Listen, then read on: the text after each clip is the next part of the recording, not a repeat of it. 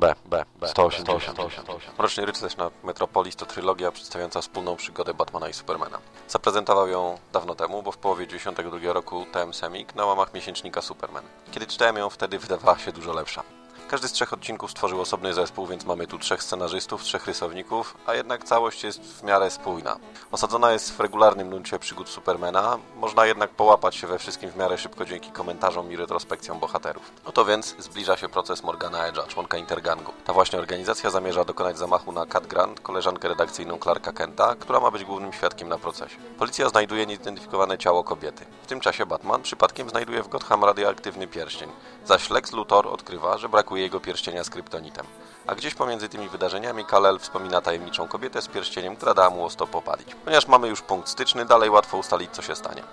Batman spotyka się z Supermanem, który jest oczywiście pełen obaw. W końcu mroczny rycerz działa poza prawem i harcerzyk nie ma ochoty tego tolerować. Okazuje się, że niezidentyfikowana denatka to ta sama kobieta, która napędziła stracha Superowi i dwójce bohaterów udaje się ustalić jej tożsamość.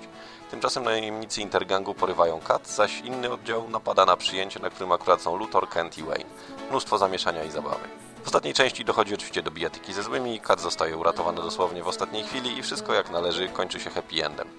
Zaś dzięki tej współpracy dwóch największych bohaterów DCU poznaje się na tyle, że Kal-El odwiedza jaskinię Toperza i zostawia pod opieką Batmana pierścień z kryptonitu. Jak sam mówi, woli powierzyć go komuś, komu może zaufać. Dość długa była droga do tej chwili od pierwszego ich spotkania pewnej nocy w mieście Gotham. Graficznie jest przeciętnie. Ani zachwycająco, ani słabo. Średnia, warsztatowo przyzwoita robota, bez cienia wirtuozerki. Do tego stopnia średnia, że nie widać nawet za bardzo różnic w stylu pomiędzy poszczególnymi rozdziałami trylogii. To jest historia Supermana i Mroczny Rycerz jest w niej gościem. I to widać po wydarzeniach, po rozwiązaniach fabularnych. Ortodoksyjni fani Batmana mogą pewnie uznać, że ich ulubiony bohater został w niej strywializowany i może nawet troszkę skarykaturyzowany. Podobnie jak historia Berna, teraz Mroczny Rycerz nad Metropolis sprawia dla mnie wrażenie odrobinę naiwnej opowieści. Może to jest specyfika postaci Supermana. Co można dodać?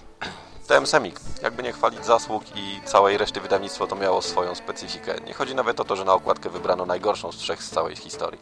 Mam raczej na myśli beznadziejne, drewniane, kulejące tłumaczenie. Wygląda na to, że coś takiego jak korekta redakcyjna też było z gruntu obce temu zespołowi. No ale w tamtych czasach nie było zbyt wielu alternatyw.